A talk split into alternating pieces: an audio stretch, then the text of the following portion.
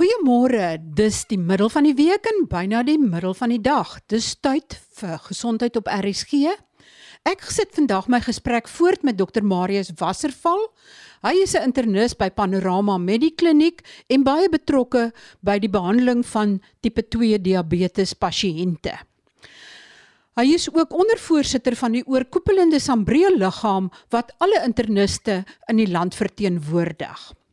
Ons het verlede week gesels oor die verband tussen hartsiektes en diabetes en oor die nuutste behandeling en die verwikkeling in die verandering van riglyne oor hoe om tipe 2 diabetes te behandel. En ons het by dokter Wasserval gehoor dat daar nou redelike groot veranderings is omdat twee middels 'n groot effek kan hê op die voorkoming van hartversaking en die verdere agteruitgang van diabetespasiënte wat reeds nierversaking het, stop dit verdere agteruitgang van hierdie nierversaking. Groot studie in die laat 1900s het vir ons gewys dat om 'n tipe 2 diabetes uitsluitlik met suikermedikasie te behandel, nie 'n verlaging in hartaanvalle of beroertes teweegbring nie. Daai pasiënt moet behandel word met bloeddrukpille, met statiene, hulle moenie rook nie, hulle moet gereeld oefen saam met suikerbeheer, dan verlaag jy die hartaanvalle, die beroertes en die sterftes. Maar dit was nooit weens die diabetes medikasie op sy eie nie. Ons weet hoe hoër jou HbA1c is, oftewel hoe slegter jou suikerkontrole is, hoe meer komplikasies kry jy. Al die kernmedikasies wat gebruik is sedert die 1990s wat beoog het om HbA1c te verbeter, oftewel om suiker te kontroleer, het slegs effekte gehad in klein bloedvatskade en het nie verlaging in sterftes teweeggebring nie. Dit is hoekom die diabeteswêreld so opgewonde was in 2015 toe twee nuwe klasse medikasie beskikbaar gekom het vir die behandeling van diabetes. Die een is 'n pil die sogenaamde SGLT2s en die ander een is die incretin wat ons noem 'n GLP-1, 'n GLP-1 agonis, dis 'n inspuiting. Hierdie twee klasse medikasie het uiteindelik verlaging in kardiovaskulêre uitkomste vir diabetes gebring. Dit is waarom die diabetes riglyne reg oor die wêreld verander het die afgelope paar jaar. Wat gebeur met hierdie medikasie is dat jy effektief die suiker wat in jou bloed sirkuleer uitskei in jou urine en dat ons die liggaam se vermoë om daai suiker terug te neem uit die niere uit blok. Gevolglik skei jy jou suiker uit in jou urine.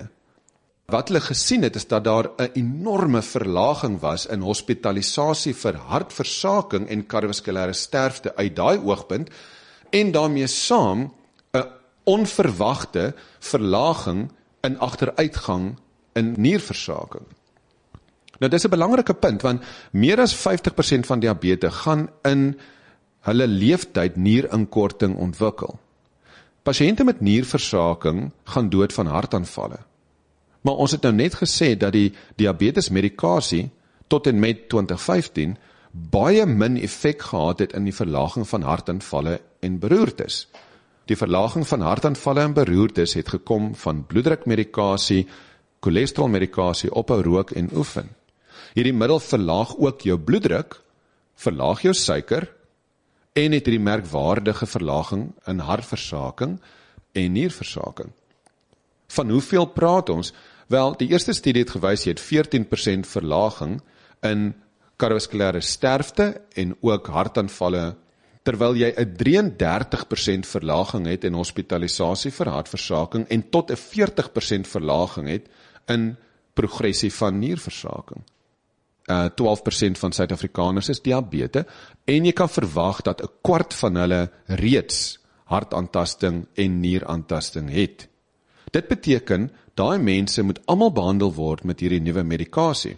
Dit is in verskeie studies nou bewys dat jy iemand wat risikofaktore het, iemand met diabetes en hipertensie en hoë cholesterol, maar wat nog nie 'n hartaanval of nierversaking het nie, dat jy daai mense se risiko vir hartversaking en nierversaking betekenisvol kan verlaag.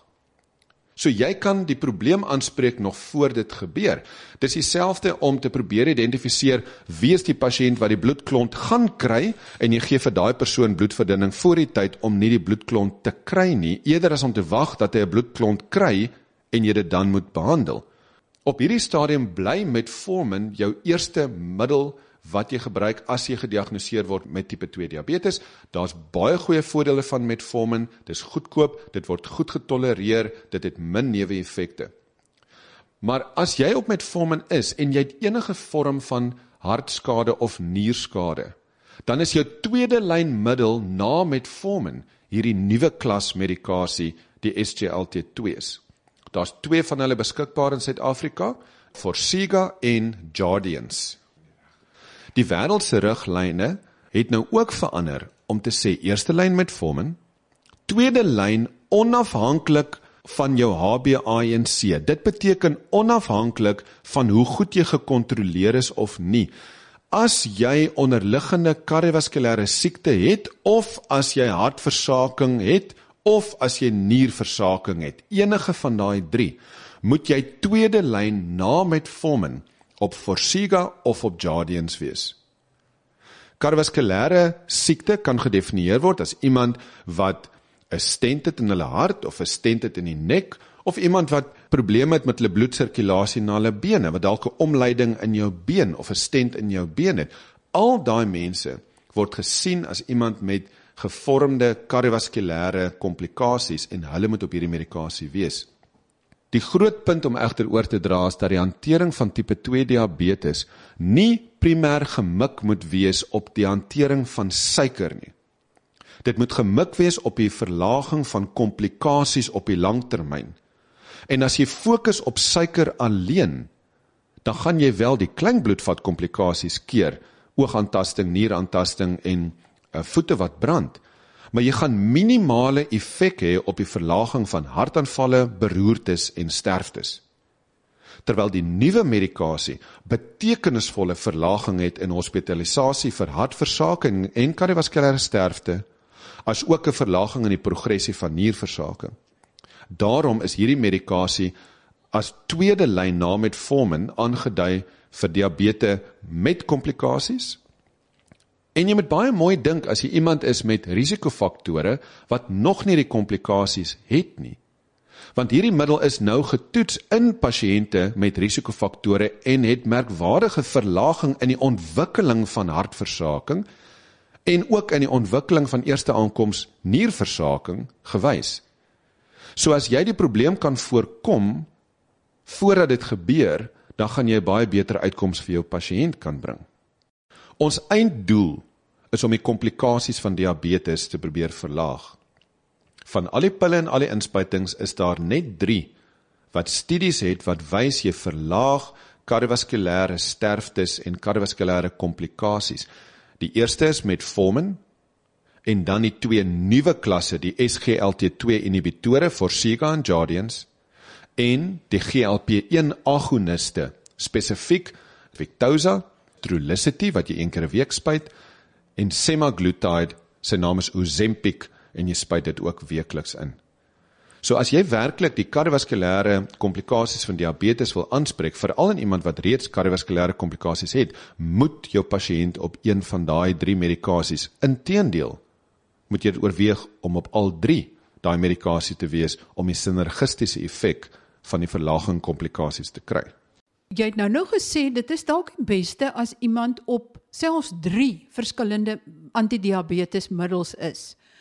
Is dit soort van die norm as metformin dan nie genoeg is nie? Wat behoort die norm te wees vir die gemiddelde ou wat tipe 2 diabetes het met moontlik natuurlik met die risiko vir hartsiektes? Vorige jare was ons benadering vir die hantering van diabetes uitsluitlik oor suikerbeheer. So jy het jou hantering baseer op jou 3 maande gemiddeld wat ons noem die HbA1c. As jy 'n hoë HbA1c het, maar jy's goed gekontroleer, dan het ons vir jou net metformin gegee.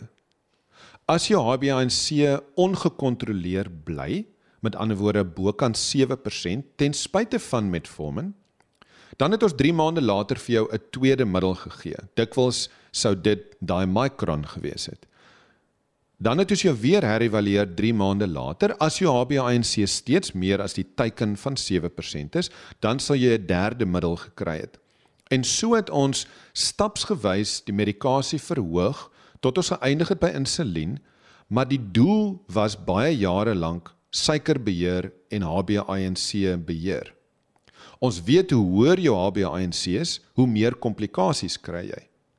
Baie studies het al bewys dat jy die klein bloedvat komplikasies kan verlaag deur suikerbeheer. En gevolglik bly dit belangrik om goeie suikerbeheer te hê. Maar vir iemand wat gevestigde kardiovaskulêre siekte het, onafhanklik van hulle HbA1c, dit beteken onafhanklik van hulle suikerbeheer, moet daardie persone op metformin en een van hierdie nuwe klas medikasie of 'n SGLT2 inhibitor, 'n pil of 'n GLP-1 agonis, 'n inspuiting wees. Dus is ons fokus nie net hoeveel pille jy gebruik vir diabetes nie. Dit gaan oor watter medikasie jy gebruik. Vroeger jare sou ons medikasie meer gemaak het volgens HbA1c. Op hierdie stadium weet ons al het jy 'n goeie HbA1c, moet jy op van die nuwer medikasie wees om jou uitkomste en jou komplikasies te verbeter. Ek wil net doodseker maak dat die luisteraar die verband tussen diabetes en hartprobleme verstaan. As tipe 2 diabetes nie behandel word nie, watter persentasie van mense sal hartprobleme of nierprobleme ontwikkel? As jy gaan kyk na die groot studie wat gedoen is tussen 1977 en 1990, dis die UKPDS studie. Daar het hulle pasiënte geneem wat nou net gediagnoseer is met diabetes, spesifiek tipe 2 diabetes. Die gemiddelde HbA1c was so 8% en hulle het bewys dat in die eerste 10 jaar na diagnose van diabetes het jy 'n 17.4% risiko vir 'n hartaanval en 'n 5% risiko vir 'n beroerte. Saam maak dit dus 22 tot 23%. Kom ons sê rofweg 'n kwart van nuut gediagnoseerde diabetes sal binne die eerste 10 jaar hartprobleme of beroertes optel. Aanvanklik is jou risiko vir nierversaking en oogskade min, maar ons weet nou dat oor jou leeftyd het 'n diabetes meer as 50% kans om nierversaking op te doen. Dit beteken helfte van ons diabetes gaan iewers langs die pad begin proteïene lek in hulle urine of verlaging in die filtrasiespoed van die niere ontwikkel en gevolglik verskillende stadiums van nierversaking binnegaan. As jy nie gediagnoseer is met diabetes, is dit baie meer waarskynlik dat jy kardiovaskulêre komplikasies gaan optel binne die volgende 10 jaar. In die algemene dokter se praktyk kan jy verwag dat omtrent 25% van jou pasiënte reeds 'n mate van hartskade of nierskade het. Dit is spesifiek met verwysing tot jou tipe 2 diabetes. So 'n kwart van diabetes het reeds hartskade of nierskade vir baie jare het ons gedink ons kan nie werklik die residuele risiko, met ander woorde die oorblywende risiko verlaag nie. Dus, as ek iemand het met hoë bloeddruk en suikersiekte en cholesterol, dan wil jy graag vir jouself sê as ek sy suiker goed behandel, sy bloeddruk goed behandel, sy cholesterol goed behandel, dan kan ek hopelik sy kardiovaskulêre risiko vir komplikasies neutraliseer. Dit is ongelukkig nie waar nie want diabetes op sy eie het 'n viervoudige verhoging in risiko's vir hartaanvalle en beroertes. Meeste studies het gewys dat jy nie daai risiko heeltemal kan wegvat met suikerbeheer, bloeddrukbeheer en cholesterolbeheer nie. Daar was egter 'n baie interessante studie gedoen in Swede in 2015 waar tydens hulle 'n groot getal mense baie streng kontroleer het met 'n perfekte dieet, geen rook, perfekte bloeddrukkontrole, suikerbeheer, perfekte cholesterolbeheer. En daar het hulle bewys jy kan wel as jy alles reg doen, kan jy jou hartaanvalrisiko feitelik neutraliseer totdat dit dieselfde is iemand wat nie diabetes nie.